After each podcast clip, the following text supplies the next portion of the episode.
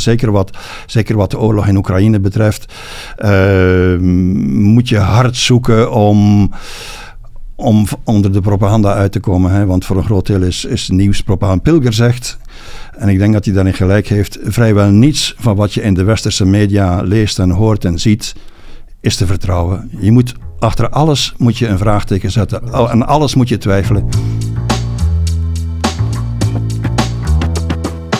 Peter Mertes in gesprek met oorlogsjournalist Johan de Poorteren.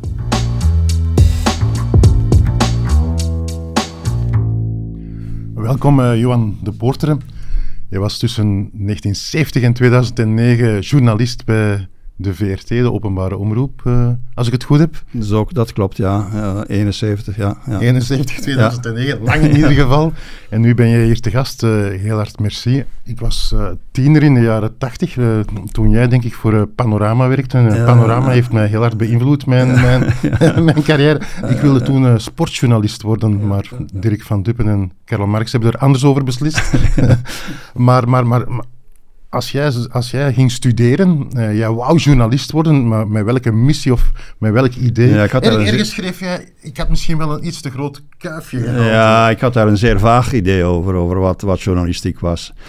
En het was natuurlijk ook voor een deel inderdaad dat uh, um, kuifje gehalte, uh, de wereld zien. Ik, ik kom uit een, uit een heel klein dorp in West-Vlaanderen, een zeer katholiek nest. Uh, en, en dat was mijn manier om daaruit te breken. Maar je hebt dan wel uh, goed uitgebroken, want je hebt, je hebt, dan echt wel de wereld ja, gezien. Ja, behoorlijk wel, ja, ja, dat klopt, ja. ja. Maar je bent, bent nog altijd content dat je journalist bent. Ben je nog... ik voel me nog altijd journalist. Stop je op een bepaald moment om journalist te zijn? Nee, dat denk, denk, ik niet. Ik voel me nog altijd journalist. Ik, ik, wil... Ik heb in mijn pensioen heb ik um, drie jaar geleden intussen zeker, hè, eh, of bijna vier jaar geleden, een, een, een fotoreportage gemaakt over de verdwenen dorpen van Palestina. Um, dat is, ja, dat, dat kriebelt, dat, dat wil je blijven doen. En dat is, uh, het is natuurlijk op een heel andere manier nu. Hè. Het is... Uh, de drive blijft, er, blijft erin zitten, ja, absoluut. En als je die fototentoonstelling, ik heb online, uh, ik heb ze online een paar foto's gezien, want als ik me niet vergis, in december loopt ze opnieuw terug in ja. Brugge. Kan, ja, klopt dat? klopt, ja, ja, ja. Maar misschien moet je het verhaal even vertellen van, van wat er, uh, waarom dat je die fototentoonstelling hebt gemaakt. Uh. Wel, omdat, omdat Israël-Palestina mij al heel lang fascineert. En omdat ik vind dat wat je daarmee maakt is een van de grofste onrechtvaardigheden van, van deze eeuw en van de vorige eeuw. Uh, en omdat ik dat um, ja, ter plaatse heb ondervonden. Ik, ik ben... Ik was student in 67 en ik was een grote bewonderaar van de Israëli's. Ik vond dat, zoals heel velen, eh, fantastisch. Hè? De, dat kleine landje dat zich verzet tegen al die Arabi Arabische mogendheden. Maar het is door, door, door Le Monde te lezen, om te beginnen, is dat te beginnen keren. Maar vooral door, door Libanon. Omdat je in Libanon eh, kreeg je uh, de, de export van, van het Palestijnse conflict. Hè. Dat was, je kreeg daar een, een, een, die christelijke milities die door, die door Israël werden gesteund en, en, en bewapend. En dat was een burgeroorlog met, met buitenlandse vertakkingen, zoals nu trouwens ook in Oekraïne. Een soort proxyoorlog Een soort proxyoorlog, ja. ja. Uh, en dan door, uh, door naar Israël zelf te gaan en door naar Gaza te gaan bijvoorbeeld, uh, ja, is mijn beeld daarover helemaal veranderd.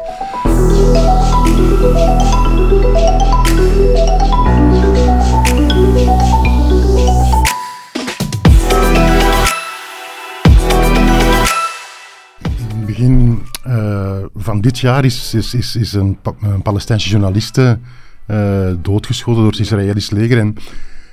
Uh, een paar weken of ma maanden nadien kwam de muziekkapel van het Israëlisch leger naar Antwerpen in een stadsfeesthal. En ik had toen in de gemeenteraad in Antwerpen daar een paar vragen bij gesteld. En ook gezegd van oké, we hebben harde sancties blijkbaar genomen tegenover de agressie van Rusland in Oekraïne. Maar nu gaan wij een muziekkapel van het Israëlisch leger hier in een stadsfeestzaal.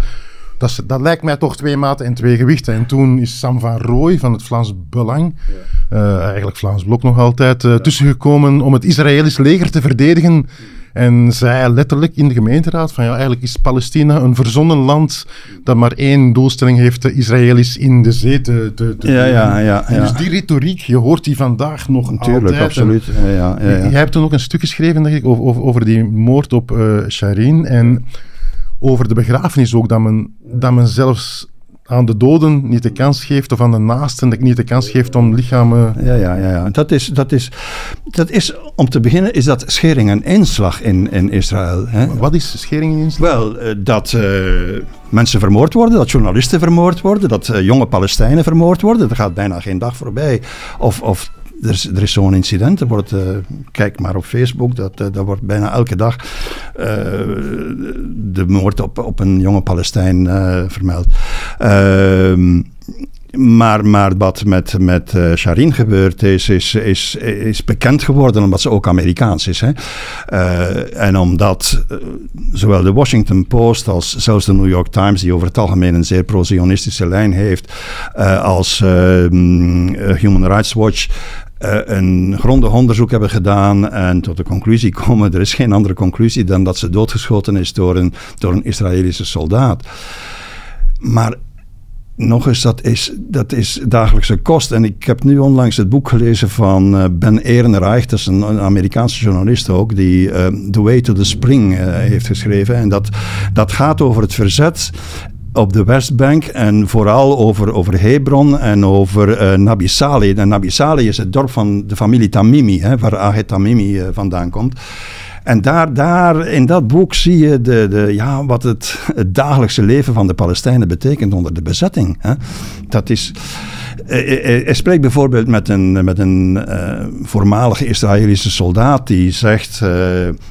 Hoe ze in Hebron moeten. Hebron is zeer. Ik ben nooit in Hebron geweest, maar ik weet dat Hebron is een van de meest conflictueuze eh, plekken waar de tegenstellingen het scherpst zijn. Eh, waar ze de opdracht krijgen om bijna elke nacht een Palestijns gezin uit te pikken. De mensen in het midden van de nacht wakker te maken, op straat te sturen, het hele huis overhoop te halen en zogezegd te mappen. Dus zogezegd het, het huis, eh, ja, de, plattegrond te tekenen, te schetsen uit veiligheidsoverwegingen. Want daar zou eens een terrorist kunnen zitten in dat huis, eh, moeten weten. Terwijl zijn eigen officier zegt, ja, maar dat is flauwekul eigenlijk. Het gaat er alleen maar om om ze het idee te geven, om ze het gevoel te geven dat ze voortdurend in het oog worden gehouden en dat ze voortdurend lastiggevallen kunnen worden, dat ze voortdurend onder onze controle staan. Het is, het is een, wat hij noemt een, een, een, ehm, een machine van vernedering. Hè. Daar, komt het ook in die checkpoints. Het is een, een vernederingsmachine. Ja. Als je het hebt over de familie Tamimi, ik, ik, eh, ik heb er twee jaar geleden met videocall, want dat is dan ook het, wel het voordeel van deze tijd. Het was toen volle lockdown. En ik vroeg zo, wat mis je het meeste? Eh, en, en zij zei, ja, gewoon zoals jullie, hè, met mijn vrienden eh, buiten te kunnen spelen, een frisse neus. Maar eigenlijk ook wel beademingstoestellen, want die komen niet binnen met de blokkaden. Eh, medicamenten veel te weinig. En ze, ze, ze zei voor gewoon paracetamol moet je toelating vragen aan het Israëlisch leger. En het, het, het simpele, Peter, gewoon het meest simpele, dat wordt zelfs onmogelijk gemaakt. En dat doet vaak het meeste pijn. En dan, en dan, dan schrijf jij, en, en dat komt misschien terug op eh, de journalistiek, maar woorden hebben hun belang. Daar- Daarnet sprak je over de bezetting. Maar als je vele nieuwsbronnen van vandaag hoort, dan, dan, dan Oh, wordt het allemaal eh vergoeilijkt en wordt het maar conflict. En, eh, Niet alleen dat, hè, maar eh, nu onlangs het laatste, de laatste aanval op Gaza eh, was ongeprovoceerd. Was, waarvan de Israëli's zelf zeggen dat het preventief was. Dus meestal wordt er een, een voorwendsel genoemd, een raketaanval van, van Hamas of zo. Maar nu was het gewoon preventief. Ja, en dat wordt dan in, in, op de VRT onder andere, moet ik tot mijn eh, spijt zeggen, dat wordt dan eh, de gevechten genoemd. Dat zijn bombardementen. Dat is, eh, dat is wat, wat dat is Dresden, dat is...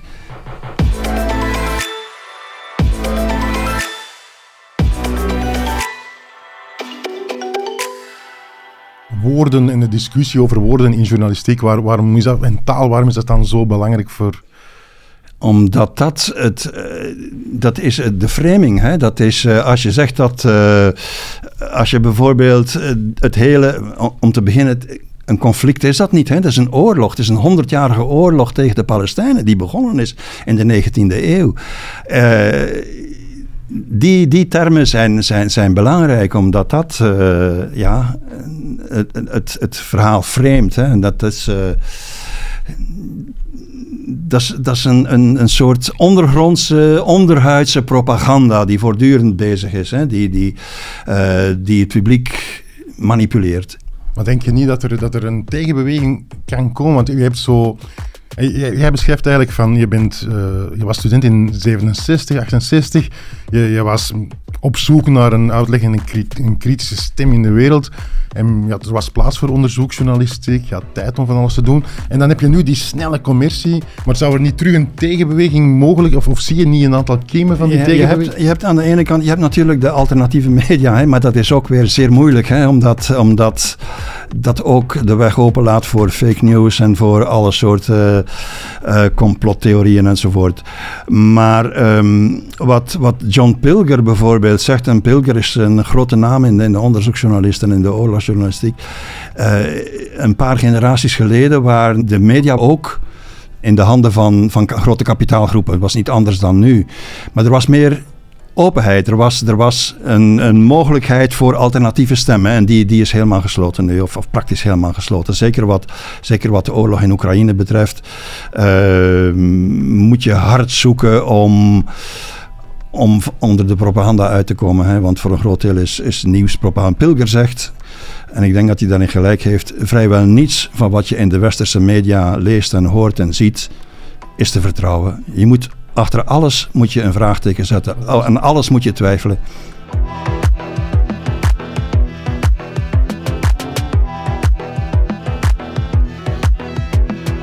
Maar tegelijkertijd is dat contra-intuïtief, want mensen hebben op zich geen goesting om alles te wantrouwen. Spontaan ga je, ga je richting vertrouwen en niet richting wantrouwen. Dus wat je nu zegt, of wat, wat Pilger zegt, is van ja, wees kritisch en, en, denk vooral zelf na. Maar dat moet je toch leren. Dat, dat doe je niet automatisch, Johan. Nee, dat doe je niet automatisch. Dat moet je leren. En, dat, um, en ik weet niet hoe je dat moet leren. Ik, ja, je moet dat leren door, door, door zoveel mogelijk te te proberen te weten te komen. Door zoveel mogelijk te lezen. Hè.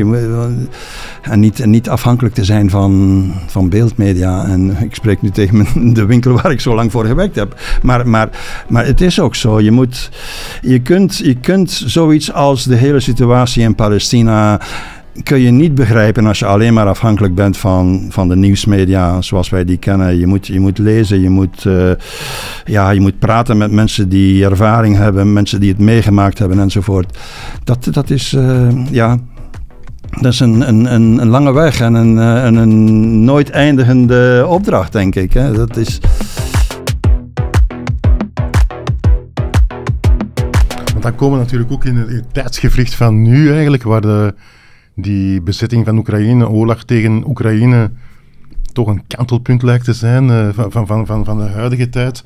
Maar tegelijkertijd is er ook die vrevel, omdat veel mensen ook twee maten, twee gewichten gevoel hebben hè, van uh, quit Palestina, Israël en Rusland, uh, Oekraïne. Maar quit ook de houding van diezelfde westerse machten uh, ten aanzien van de oorlog van Poetin tegen Tsjetsjenië. Want heel veel mensen zijn al lang vergeten, dit is niet de eerste oorlog van Poetin. De, de eerste oorlog was vuil en was ondersteund door het Westen. Ja, en, zelfs, en jij was daar dan. Ja, ja, ja, ja. Ik zelfs in, ik denk in 2010 heeft uh, uh, Tony Blair nog gezegd van we moeten samen met Rusland, samen met Poetin het islamfundamentalisme bestrijden. Of het islamterrorisme bestrijden. In Tsjetsjenië dan? In Tsjetsjenië, maar in de hele wereld. Hè? Dus dat was een voorbeeld wat Poetin en Tsjetsjenië gedaan had, dat was ongelooflijk brutaal en ongelooflijk uh, gewelddadig. Hè? De, die, die, hoofdstad uh, is, is, is, gewoon met de grond gelijk gemaakt. Dat was, uh, dat was West-Vlaanderen na de Eerste Wereldoorlog. Hè? Dat is, over welke periode spreken we toen? de, de, de, de Tweede Tsjetsjense Oorlog, die in 2000 begonnen is. en waar, waar Poetin inderdaad alle steun kreeg. Hè? En, en Poetin, Poetin heeft trouwens heel lang de steun gehad van, ik herinner mij een interview met Verhofstadt, die bij zijn eerste bezoek, die toen premier was, en die zijn eerste bezoek aan, uh, aan Moskou, dat moet in, in 2000 geweest zijn, de eerste maanden van, van 2000. En hij was vol lof over Poetin. Poetin was iemand die eh, wist waarover hij praatte, hij kende zijn dossiers, hij, dat was een man waarmee te onderhandelen, waarmee te praten viel. En Bush uh, had in Poetin zijn ogen gekeken en gezien dat ze zielsverwant waren. En dat Poetin veel goed zou doen voor zijn volk. Dus dat, dat, dat zijn we allemaal vergeten. Hè. Op een bepaald moment uh, is dat allemaal gekeerd. En, maar we vragen ons niet af hoe komt dat? Hè? Wat, wat, hoe komt het dat iemand die de held was ineens de duivel is geworden?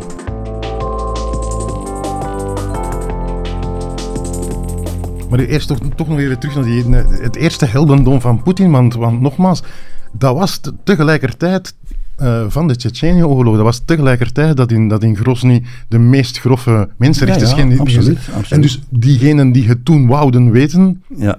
Die hadden het toen ook al kunnen weten. Uh, dat, dat is min of meer wat bijvoorbeeld uh, Jeremy Corbyn zegt. en ik denk dat hij recht van spreken heeft, want hij heeft toen al geprotesteerd, toen Blair, want die was ook bij dat orkest, om Poetin te bejuichen en bejubelen. En, en, en, Corbyn zei toen al, nee, nee, dit is fout. En hij ging met een mensenrechtencommissie naar, naar daar. Maar het is toch straf dat op dat moment, als dat gebeurt, dat die bejubeld wordt en dat er vandaag gezegd wordt, er valt niet, niet mee te spreken, je kan er niet... Ja, dat is inderdaad uh, heel merkwaardig. Hè? En, uh, nu, wat je zegt over Corbyn, uh, de hele media hetze tegen Corbyn ging ook daarover. Hè? Dat hij, dat hij zogezegd een Poetin-aanbidder is. Hè? Terwijl Corbyn inderdaad al van in het begin zeer kritisch was voor, voor, voor Poetin. ja, dat ehm, daar zijn, daar zijn dingen aan het werk uh, die, die, die, die, die heel complex zijn, denk ik. En die heel, uh, ja, heel veel vertellen over de manier waarop, uh, waarop de media werken. Neem nu dat je moet proberen om, om, om verschillende kanten te zien in, in, in zo'n complex oorlog als, als Oekraïne. Op een bepaald moment schrijf jij ook ergens het is niet alleen maar een oorlog tussen twee buurlanden, maar de, er zijn ook andere machten mee betrokken. Ja, absoluut, een beetje, hè, want je noemt dat daar ook een proxy waar, een oorlog eigenlijk waar andere, die andere machten voeren, maar die dan zelf niet getroffen worden, met name de Verenigde Staten. Ja. Misschien kan je dat iets uitleggen. Ja. Zelfs een, een, krant als de Standaard, die niet van uh, linkse sympathieën kan uh, ver, verdacht worden, uh, schrijft letterlijk dat de Amerikanen bloed hebben geroken en, en het werk van de Koude Oorlog willen afmaken. En dat is, eh, dat is op, uh, op alle mogelijke manieren duidelijk. Hè? Dat is, uh, de Amerikanen en, en, de Britten ook. Johnson is in, in april naar Kiev getrokken om, om, de, om Zelensky ervan te weerhouden om onderhandelingen te beginnen of, of voor te zetten. Dus er is echt, dat is een, een, een uh, dat is een oorlog die al lang is voorbereid. Hè? De, de, de, de, de beruchte Brzezinski, de man die de Russen in, uh, in Afghanistan heeft gelokt en die de, de adviseur was van, um, uh, van Carter die daarna nog altijd heel veel invloed heeft in, in, in regeringskringen in, in Amerika. Die, die schrijft in een boek, uh, de, de Global Chessboard, ik denk in 95, 96 al, dat Amerika nooit nooit mag toelaten dat er een macht opkomt die de positie van Amerika bedreigt.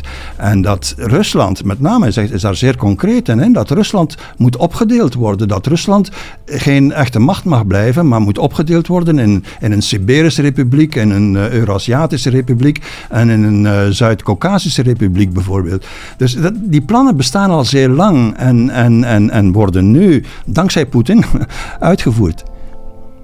Schiet Poetin dan in zijn eigen voet? Dus ik denk dat Poetin in zijn eigen voet schiet, natuurlijk. Ik denk dat Poetin uh, ja, een fatale, fatale vergissing heeft begaan.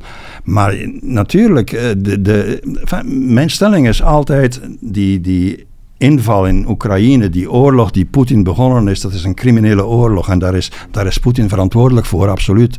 Maar de hele spanning die opgebouwd is naar die oorlog toe, ja, daar zijn de verantwoordelijkheden op zijn minst verdeeld. Hè. Daar heeft, als je ziet, uh, ik ben nu een boek aan het lezen over de acties, de militaire acties van, van, de, van de NAVO. Ja, die zijn allemaal gericht, alle, alle manoeuvres, alle troepen, uh, alle planningen zijn, zijn gericht tegen Rusland. Terwijl, in 2000, en terwijl na de val van, uh, van, van de Sovjet-Unie er op een bepaald moment toch een kans was. En waar, waar Poetin zelf gevraagd heeft om lid te worden van de NAVO. Dat is, dat is eigenlijk weggelachen. Hè? Dat is, er was een kans om een, om een Europese veiligheidsstructuur, zoals dat heet, op te bouwen.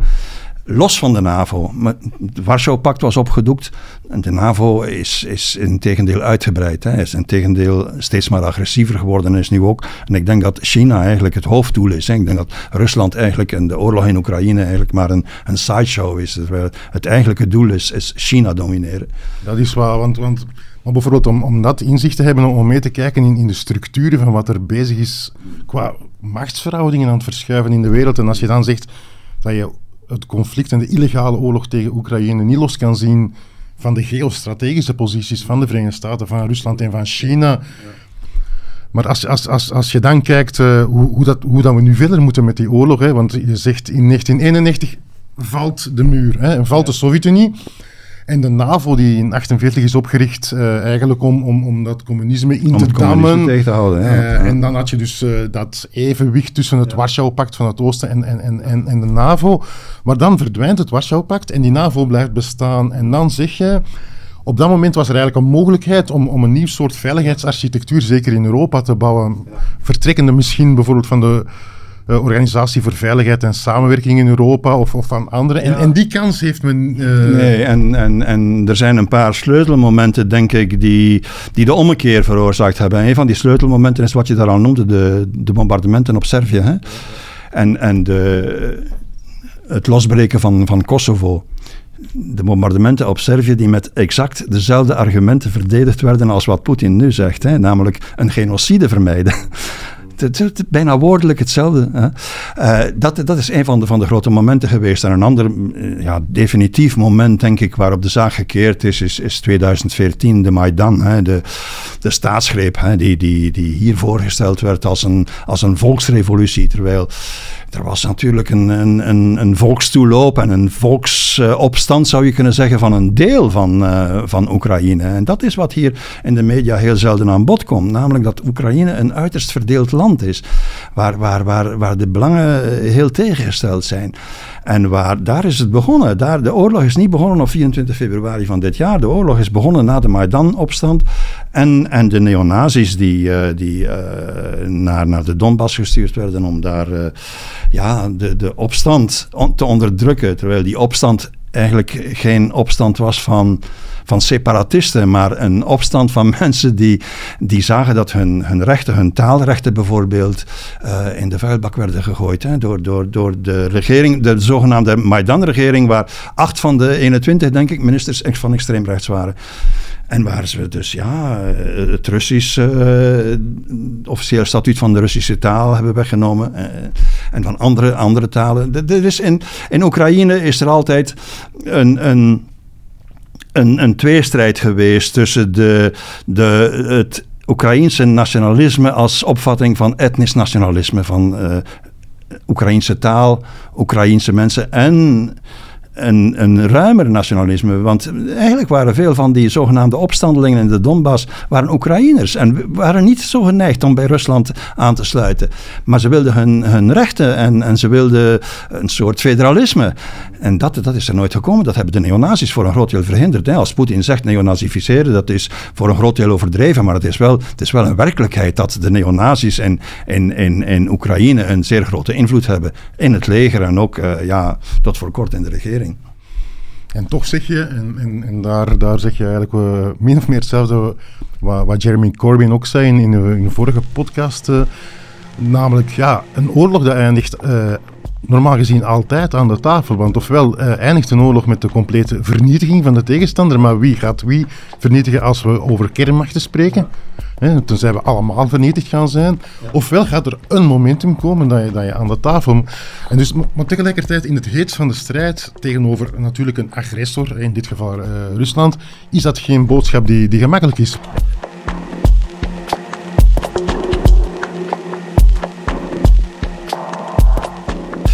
Ja, het zijn de Oekraïners die, die de prijs betalen nu natuurlijk. Hè. De, de Europeanen in, in, het algemeen betalen letterlijk de prijs. Hè. Maar de Oekraïners betalen de prijs en mensenlevens ook. Um, en ik denk, het is, het is, het is, het is misdadig hè, om die oorlog uh, te laten voortsluimeren, laten voortduren. Denk je dat er krachten zijn die de oorlog willen rekken? Absoluut, absoluut. Het, het, de wapens die Amerika heeft voor eh, op dit moment, en dat is waarschijnlijk al een achterhaald cijfer, voor 60 miljard militaire steun aan Oekraïne gegeven. 60 miljard dollar. Dat is, dat is onvoorstelbaar. Dat is, dat is niet meer louter verdediging. Hè. Dat kan, kan aannemen dat, uh, dat Oekraïne in staat moet worden gesteld om zich tegen een agressie te verdedigen. Maar dit, daar gaat het al lang niet meer over. Het gaat erom, het gaat erom zoals openlijk wordt gezegd door de minister van, buiten, van, van uh, de Amerikaanse minister van Defensie, uh, Lloyd Austin, dat het erom gaat om Rusland te verzwakken. Dat, dat is het einddoel.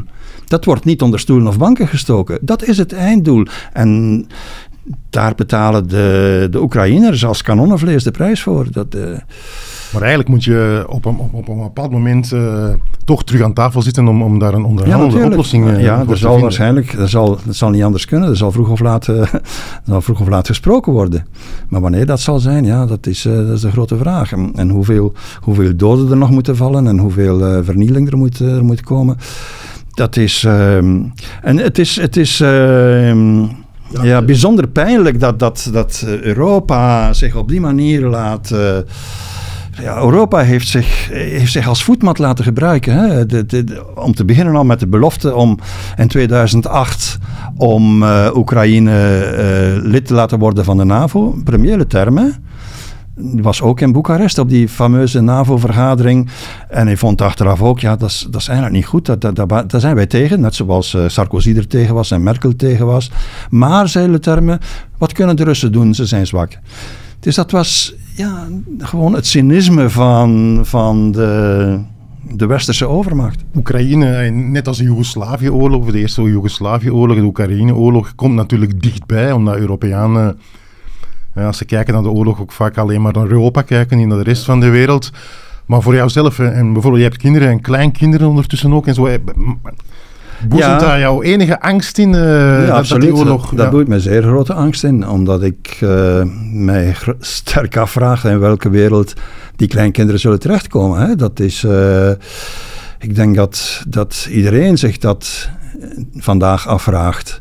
En daarom is het zo onbegrijpelijk dat onze politieke leiders op geen enkele manier tegenwicht bieden. Op geen enkele manier uh, de prioriteit stellen een einde aan de oorlog te maken. Hè. Dat, dat is niet de prioriteit blijkbaar. De prioriteit is het leed een beetje te verzachten, als dat zou kunnen. Hè. De, de, de, de, de, prijzen van het gas proberen onder, on, on, onder, onder controle te houden. Terwijl de fundamentele oplossing is het einde van de oorlog. Hè? Dat is, uh, maar dat is blijkbaar geen, geen prioriteit. En dat, uh, ja, dat is zeer beangstigend.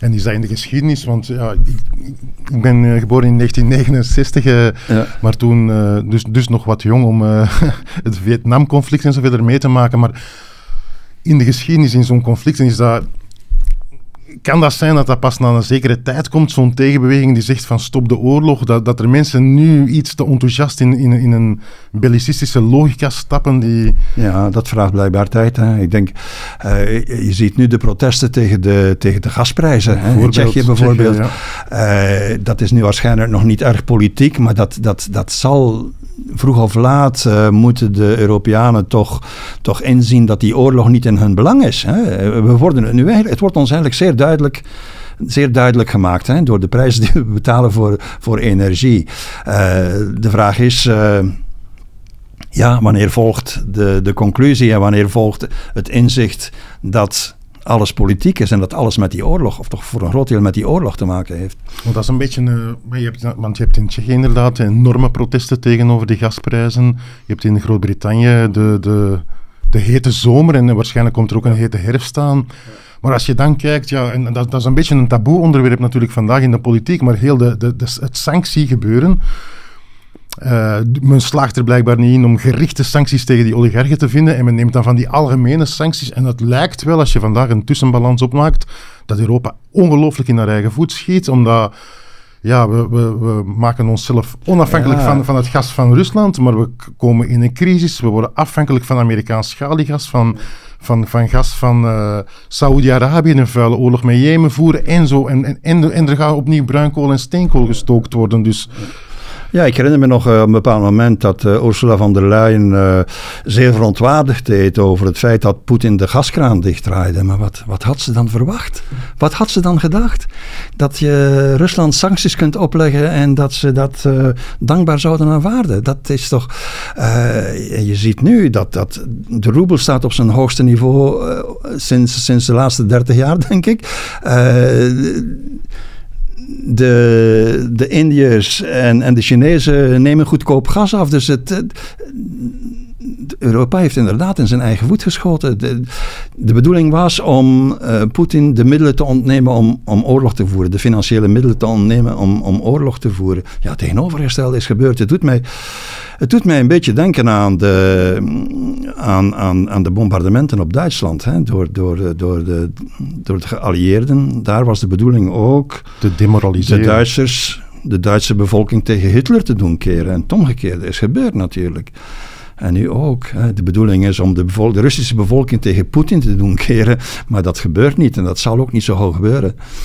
Nee, ik heb, een Duits journalist schreef van uh, de, de geschiedenis van de sancties is vrij complex, maar als je bekijkt uh, tegenover Iran, tegenover Venezuela, tegenover Irak en zo verder, maar een aantal dingen komen meestal terug, schrijft de journalist, en die zegt dan van kijk, meestal wordt de politieke situatie van de gesanctioneerde uh, premier of, of ding versterkt. Meestal is het de kosten van de bevolking zelf.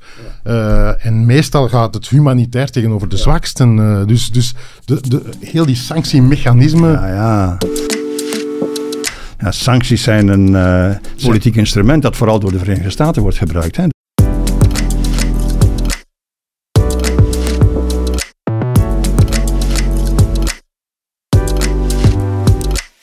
Er zijn, er zijn uh, Amerikaanse senatoren die uh, een Zwitsers bedrijf dat uh, materiaal leverde voor de bouw van Nord Stream, Nord Stream 2, hè, van Nord Stream 2, 2 um, letterlijk bedreigden van stop daarmee of we zullen jullie bedrijf kapot maken. Dat zijn echte maffiamethodes.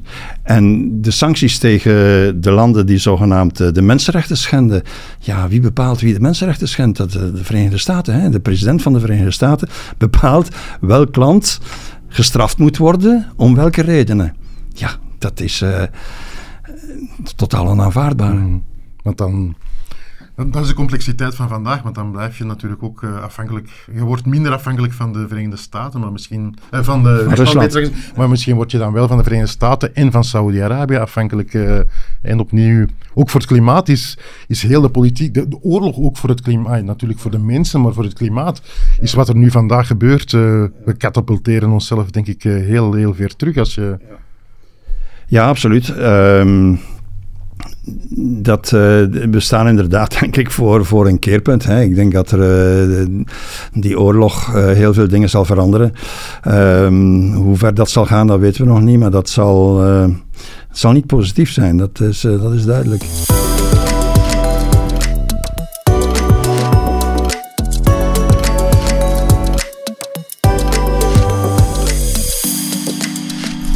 Je hebt uh, ook een fototentoonstelling gemaakt over overstromingen uh, daar in de Vesdervallei, precies een jaar ge geleden. Ik ben daar toen ook zelf een aantal uh, weken gaan, gaan helpen. Maar wa waarom dan dat verhaal van de Vesdervallei in, in foto's vertellen? Um, ik wou gewoon eens ter plekke zien wat er, wat er aan de hand is. Want je ziet het wel, natuurlijk, in dit geval zagen we het wel op televisie en, en zagen we wel op foto's en zo. Maar mijn ervaring was, als ik daar echt stond tussen die mensen, dan, uh, ja, dan, dan besef je pas wat, wat er gebeurd is. En um, ik, vond het, ik vond het bijzonder, um, bijzonder schrijnend, omdat die, die mensen die ik sprak en die ik gefotografeerd heb, die waren zeer, uh, zeer sereen. Die waren zeer, uh, ik zal niet zeggen optimistisch, maar die wouden, die wouden hun situatie in eigen handen nemen. En dat, dat vond ik uh, zeer indrukwekkend. Maar je hebt ook toen, want ik, ik, op, ik, ik, herken een aantal mensen op jouw foto's trouwens. Ja. En ik herken een aantal van mensen. Broek, hè, van, uh, een, aantal mensen die met de Solidarity Teams uh, ja, nadien zijn gaan helpen. Maar jij hebt ook dan gezien, ik vond dat ongelooflijk dat je dan naar de Visser rijdt en naar Pip en Ster en zo verder en dan Verviers. En dat je daar dan komt en ineens sta je in de modder, maar uh, in de, iedereen staat daar in de modder. En er zijn ook ongelooflijk veel Vlamingen en Brusselaars die naar daar rijden. En die, ja, ja, ja, ja. Dat soort solidariteit, dat, dat, dat, er is iets ook ongelooflijk positief in heel die pool van ellende.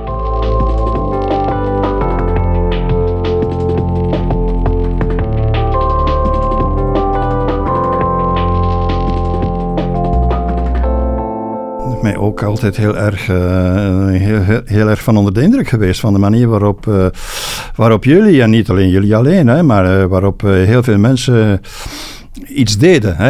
En de politiek is dat iets, iets uitzonderlijks. Hè? dan, dan, hoor je, dan hoor je verklaringen van, van De Croo of, of, van Lachaert of weet ik veel. dan vraag je af, laat die mensen, laat ze eens naar naar, naar, naar, uh, naar, naar verviers rijden. Laat ze eens uh, in de modder staan. Laat ze eens, laat ze eens weten wat er, wat er echt gebeurt. Uh, dat, is, dat is de grote kloof, denk ik, tussen, tussen de, de politiek en de realiteit. En, de politiek is, is grotendeels bewijst zijn machteloosheid. Hè. Bewijst machteloosheid door, door, door de energiecrisis, door de klimaatcrisis, door. Uh, ik las onlangs ook iets over de, de, het protest van de Nederlandse boeren. Nu, er is uh, Geert Bules, die heeft een boek geschreven, wat we toen al wisten. Hè.